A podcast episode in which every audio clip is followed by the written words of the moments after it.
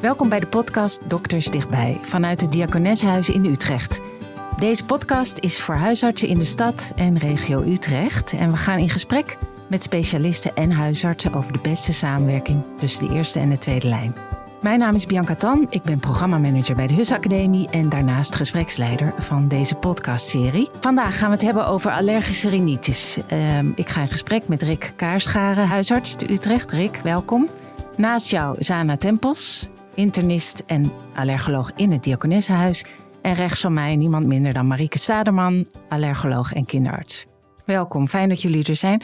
Ehm, het is nu eind maart. Welke pollen hangen er in de lucht? De werk begint te bloeien. Uh, de els bloeit ook nog. Er zitten ontzettend veel pollen nu in de lucht. En uh, nou ja, dat is te merken ook, hè? Zeker. Ja. De berk begint ook alweer te bloeien, toch? Absoluut. Kijk even naar Zana. De telefoon staat roodgloeiend op onze poli. Het laatst een puber, die, die zat al jaren potdicht. Die sliep slecht en die moeder schaamde zich eigenlijk dood. Want die had zoiets van, ja, ik heb het echt een beetje verwaarloosd. Tenminste, drie weken later toen ze eindelijk uh, wist hoe normaal neusademen ging hoe dat voelde, uh, hadden ze wel iets, oeh, wat wel eerder mogen komen. En zijn de klachten voor kinderen anders bij allergie dan, dan de symptomen bij volwassenen? Nou, wat Rick net zei, hè, dat het zo lang duurde voordat, hmm. um, voordat er aan de bel was getrokken, dat hoor ik heel veel. Want kinderen hebben natuurlijk heel vaak virale infecties. Uh, en soms duurt dat ook oneindig. Uh, en uh, dan gaan ze naar de crash en hebben ze drie kwart jaar een dikke snottenbellen. Ja. Dus heel vaak wordt er afgewacht. En um, dan wordt er ook geaccepteerd van, nou ja, dit kind heeft nou eenmaal altijd een loopneus. Gewoon altijd verkouden. Maar het is dat gewoon is altijd verkouden. En ja. pas op het moment dat er iets bij komt van vermoeidheid of astma, dan wordt er ook doorverwezen of dan hebben de ouders iets van nu gaan we verder iets doen. En dan blijkt er als je terugkrijgt, nou, echt wel een al jarenlang aan de gang, jarenlang mm. probleem te zijn. Ja. En dat, dat wordt ook in de literatuur beschreven. Een zeven jaar uh, delay in, uh, in het moment van klachten en behandeling. Dus dat, dat kunnen we ons wel aantrekken als professionals. Bij volwassenen is dat precies hetzelfde. Er is best veel delay. Alleen vaak is de klacht waarmee volwassenen naar binnen komen niet zozeer luchtwegklachten, hè, ogen en de neus, maar moeheid of werkverzuim.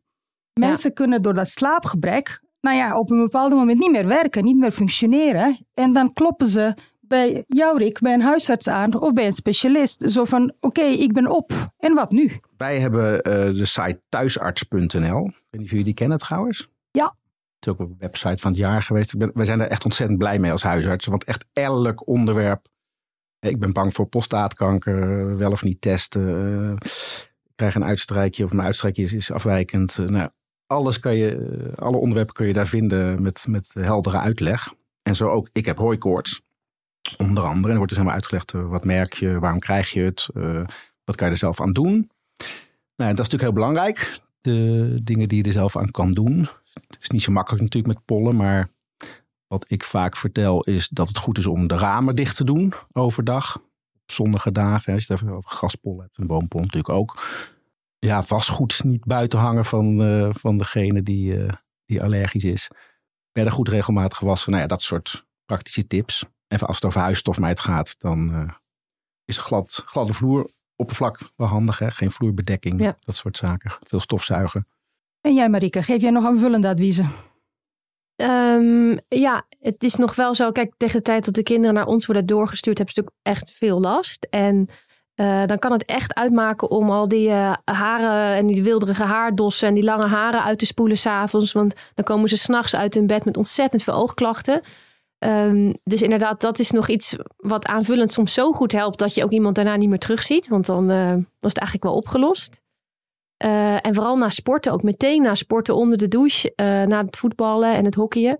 Dus ja, het, dat, voor, dat soort Goeie, tips. die zeg ik eigenlijk nooit. Haren uitwassen dat de pollen daarin zitten. En je wenkbrauwen onder de douche. En dan niet datzelfde t-shirt weer aandoen, maar een ander t-shirt. Uh, en dan toch in die hele heftige dagen een soort sluis naar die slaapkamer bouwen. Dat ze daar tenminste rustig kunnen slapen. Ja, en als een kind een goede, een goede nachtrust heeft, dan gaat het de dag daarop vaak wel wat beter. En mensen vinden het altijd heel erg prettig om iets te hebben wat ze zelf kunnen doen. Dus op het moment dat je zegt zonnebril op of neus spoelen, hè, dus dan, uh, of vaseline smeren in de neus, want slijmvliezen van allergische mensen zijn altijd kurkdroog, dan zijn ze al blij.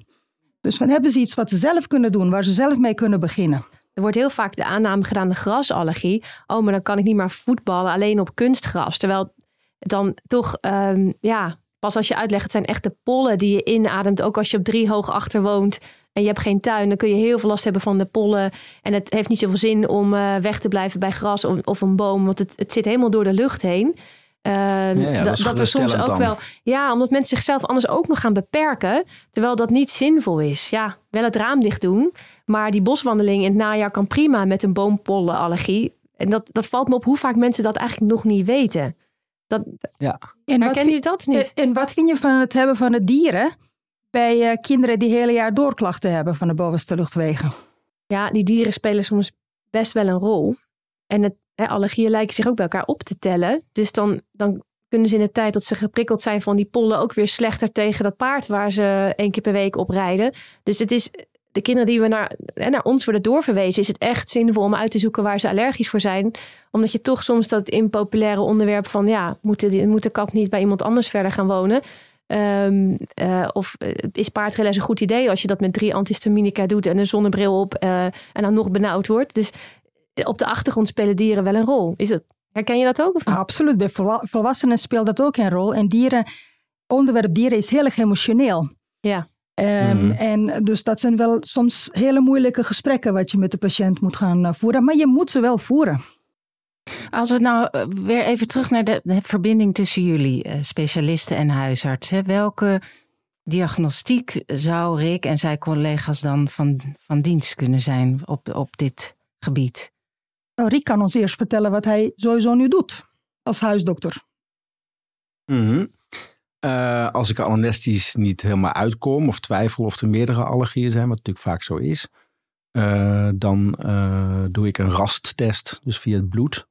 Je kunt ook huidpriktesten doen, die doen ze in het ziekenhuis, maar bloed blijkt slash schijnt eh, net zo goed te zijn, dus daar vaar ik op. Het lastige vind ik dan wel, moet ik zeggen, dat ik dan inderdaad een positieve uitslag voor boompollenallergie krijg, maar dan niet precies weet welke dan. En dan vragen ze dat wel eens, terwijl het natuurlijk een groep is die je dan test. Jullie weten natuurlijk wel of de Ja. werk of de hazelaar is, hè? Ehm, wij hebben voordeel in het ziekenhuis. Op het moment dat wij dat zouden willen, dan gaat ons medisch immunoloog dat voor ons uitsplitsen. Dus dan krijgen we vijf soorten bomen wat in een mengsel zitten meteen cadeau. Mhm. En eh, wij hebben voordeel van de huidtesten. ja, precies. en, eh, dan kan je en, zien eh, welke boom het is. Precies, we Ja. kunnen verschillende bomen testen. En is dat dan, belangrijk? Ja, als je een berk in je tuin hebt natuurlijk wel. Misschien. Ehm, nou ja, dat is voor de mensen, wat Marike net zei. Hè? Dus dan eh, niet kunnen voetballen alleen maar op een kunstgrasveld, terwijl gras overal om je heen is. Dus als we goede wind hebben, hebben we hier pollen uit Noorwegen. Dus of je bollen, boompollen, eh, welke boompollen je in, je in de tuin hebt, is eigenlijk helemaal niet van Nee, belang. precies. Alleen weer, het is voor de mensen, dan, dan, dan nemen ze iets aan. Ah. En, eh, en eh, snappen ze iets beter waar hun klachten vandaan komen. Maar goed, dat was je vraag. Die, die, die test doe ik dan. En dan, eh, ja, dat, dat is eigenlijk de diagnostiek die wij doen. En dan heb je een diagnose gesteld. En wat ga je dan Mhm. voor de behandeling doen, behalve preventieve adviezen, wat we uitgebreid Ja. al besproken hebben? Ja, precies. Ehm, dat is een goeie. Nou, je hebt, twee, eh, twee pijlers natuurlijk. Hè? De, de corticosteroïdsprays en de, en de antihistaminica neusprays en, en tabletten heb je natuurlijk ook. Ehm, dus ja, het altijd een beetje zoeken. Als mensen continu klachten hebben, de hele week geef ik vaak een neuspray. Dan zeg ik van minstens zes weken elke dag gebruiken. Ook al denk je dat het nog niet werkt of eh, heb je even geen last, gewoon doorgaan. Ook al regent het vier dagen, doorgaan. Want therapie trouwens is echt een dingetje. Ik Ja, merk het hè? bij mijn eigen kinderen. Want jij zei net van... eh, je had het net over een paar kinderen. Oh ja, naar het bos en zo. En dan zegt ze van, eh, ik heb daar toch ook last van. Toen kreeg ik ineens de gedachte, oh ja, ehm, therapie trouw, dacht ik toen ook Ja. aan. Ik bedoel, als je gewoon je goed je neusprays gebruikt, eh hè, corticosteroïd, niet corticosteroïd neuspray als basis. En als je dan nog extra last hebt, nog antihistamine erbij, al dan niet in tabletvorm, dan kan je best het bos wel in. Ook al heb je een boompollenallergie. De meeste tenminste natuurlijk. Ja, ik herken dat ook heel erg. Want dan, dan zeg je, dan spreek je af, nou dit jaar was het echt heel heftig. Je hooikoortsklachten. Volgend jaar begin je dan 1 maart met je neusspray. En dan kom je april terug. Nou, ik, ik kan me niet heugen de afgelopen tien jaar dat dit advies ooit is uitgevoerd. Dus dan komt een tiener en dan zijn ze het natuurlijk vergeten. En dan zit die neus weer helemaal dicht. En dan moet ik Ja. eerst weer met xylometazoline krijgen, kijken of die neus open kan krijgen. Dus het, het, het innemen van chronische medicatie waarvan je niet direct een effect merkt. dat is een hele lastige boodschap aan jonge, verder Ja. gezonde mensen. Eh toch, Ja. Shanna? Dat, eh, Niet alleen maar een jonge eh, mensen en ook wel wat oudere mensen is de boodschap precies dezelfde. Dus die, die, die gaan ook niet vier weken voor het seizoen starten met het gebruik van medicatie, terwijl dat juist de bedoeling is. Ja. Eh, en dat we dat vaak met hun bespreken. Mhm. Overigens, Rick, een van de dingen waar ik ook best veel gebruik van maak, zijn ook oogdruppels. Ja. Eh, antihistamine oogdruppels, maar ook heel veel kunsttranen. Want ik had het net over droge slijmvliezen. Mhm. Gewoon een beetje Vidicic gel of een beetje eh, ehm, Om het weg te spoelen. Ja. om, om ogen weer vochtig te maken. Zodat de mensen minder dat branderig, zanderig gevoel in de ogen hebben. En je, je spoelt de polder er ook letterlijk mee weg, denk Ja. ik inderdaad. En ja, er wordt ook wel vaak gezegd dat neussprays ook op oogklachten al veel doen. Dat, dat leg ik dan uit. Maar als ze dan nog heel veel last hebben, dan geef ik ook die druppels erbij natuurlijk. Ja. ja, en het verdubbelen van antihistaminica, dat is nog altijd wel, eh, dat, dat doen we ja. natuurlijk heel makkelijk. Eh, we zijn gewend aan het ophogen van antihistaminica, maar heel vaak merk ik nog dat als ze van de huisarts komen, dat er nog een soort taboe op rust. Ja, niet van de patiënt die we van jou krijgen, volgens mij. Hè, verdubbelt ook eh, laagdrempelig. ja, klopt. Het is altijd, denk ik, wat we vroeger deden was steroïden gaven. Ja, geven, dat, dat, dat geven we niet meer. Maar het, het ophogen van antihistaminica Twee, helpt drie, vier keer. mensen Ja. echt soms door een paar moeilijke weken heen. Maar het is grappig dat je, dat je dit zegt. Want als ik dat doe en ik zet het op het recept, Ja, één tot drie keer daags, dan krijg je de apotheek aan de altijd. Ja. lijn. dat Ja. staat niet in het farmacotherapeutisch kompas. Ja. Nee. Ja, precies. Nee, het staat voor de indicatie urticaria wel viervoudig. Maar ja, weet je, ja, het, bijwerkingen nemen niet toe met het ophogen van de dosis vergeleken met een enkelvoudige. Eh, dus er is echt niks tegen om, eh, ja, om op te hogen. precies. Wat kan er nou beter eh, als het gaat om de verbinding tussen de eerste lijn en de tweede lijn? Jij krijgt huisartsen aan de lijn met herhaaldelijk dezelfde vraag. Ik noem maar Wetsana.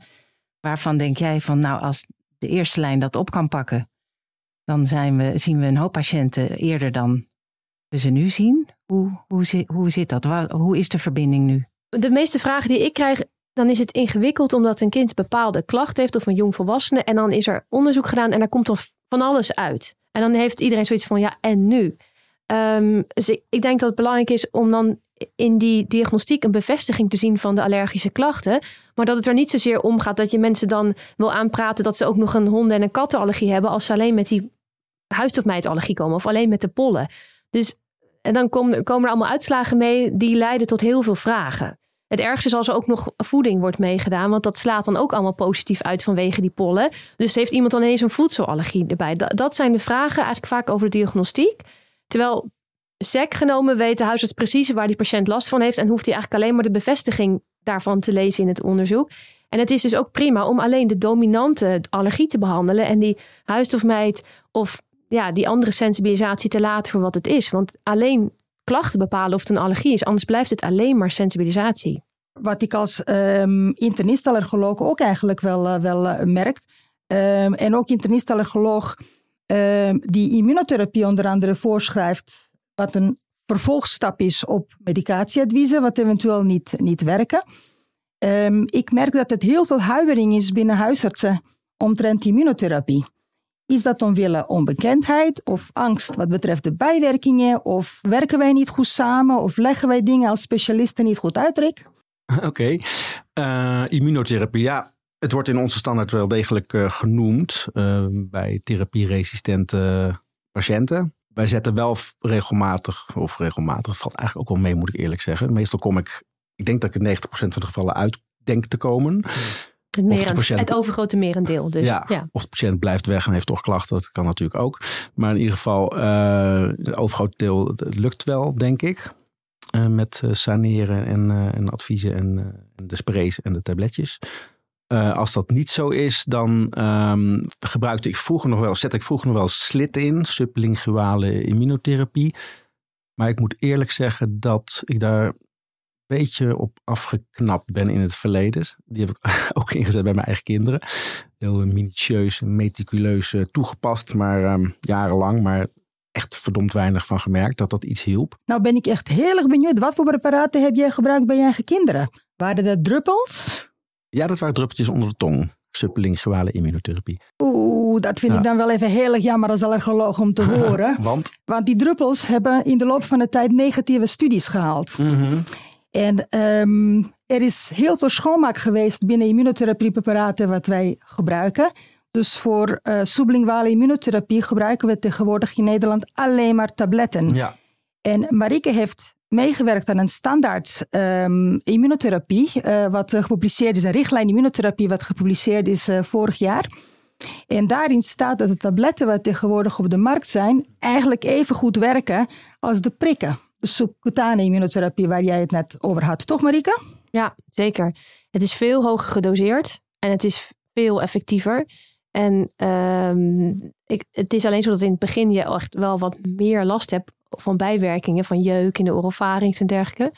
Maar die werken als mensen bij ons meekomen lopen, um, huisarts in de opleiding of uh, kinderarts in de opleiding, dan is het altijd al werkt dat zo goed als die patiënten terugzien. En dat is, dat is nog wel iets wat, ja, wat hè, wij zouden willen uitdragen. Dat die immunotherapie uh, een heel goed alternatief is voor jarenlange medicatie, waar we praten als brugman en mensen dat toch vaak niet doen. En doe je het inderdaad ook als mensen niet therapietrouw lijken te zijn? Of nou, ik bespreek het dan met ze. Van ja, of het is dit, of uh, bijvoorbeeld een huisstofmijttherapie, uh, dan, dan slik je dat uh, drie jaar. Maar dan moet je toch na een aantal maanden al vermindering hebben van die rhinitisklachten. Dus ik, ik, ik probeer, er is een reden soms waarom mensen het niet nemen. Omdat ze zich er tegen verzetten, of omdat het toch niet helpt, of omdat ze bijwerking hebben.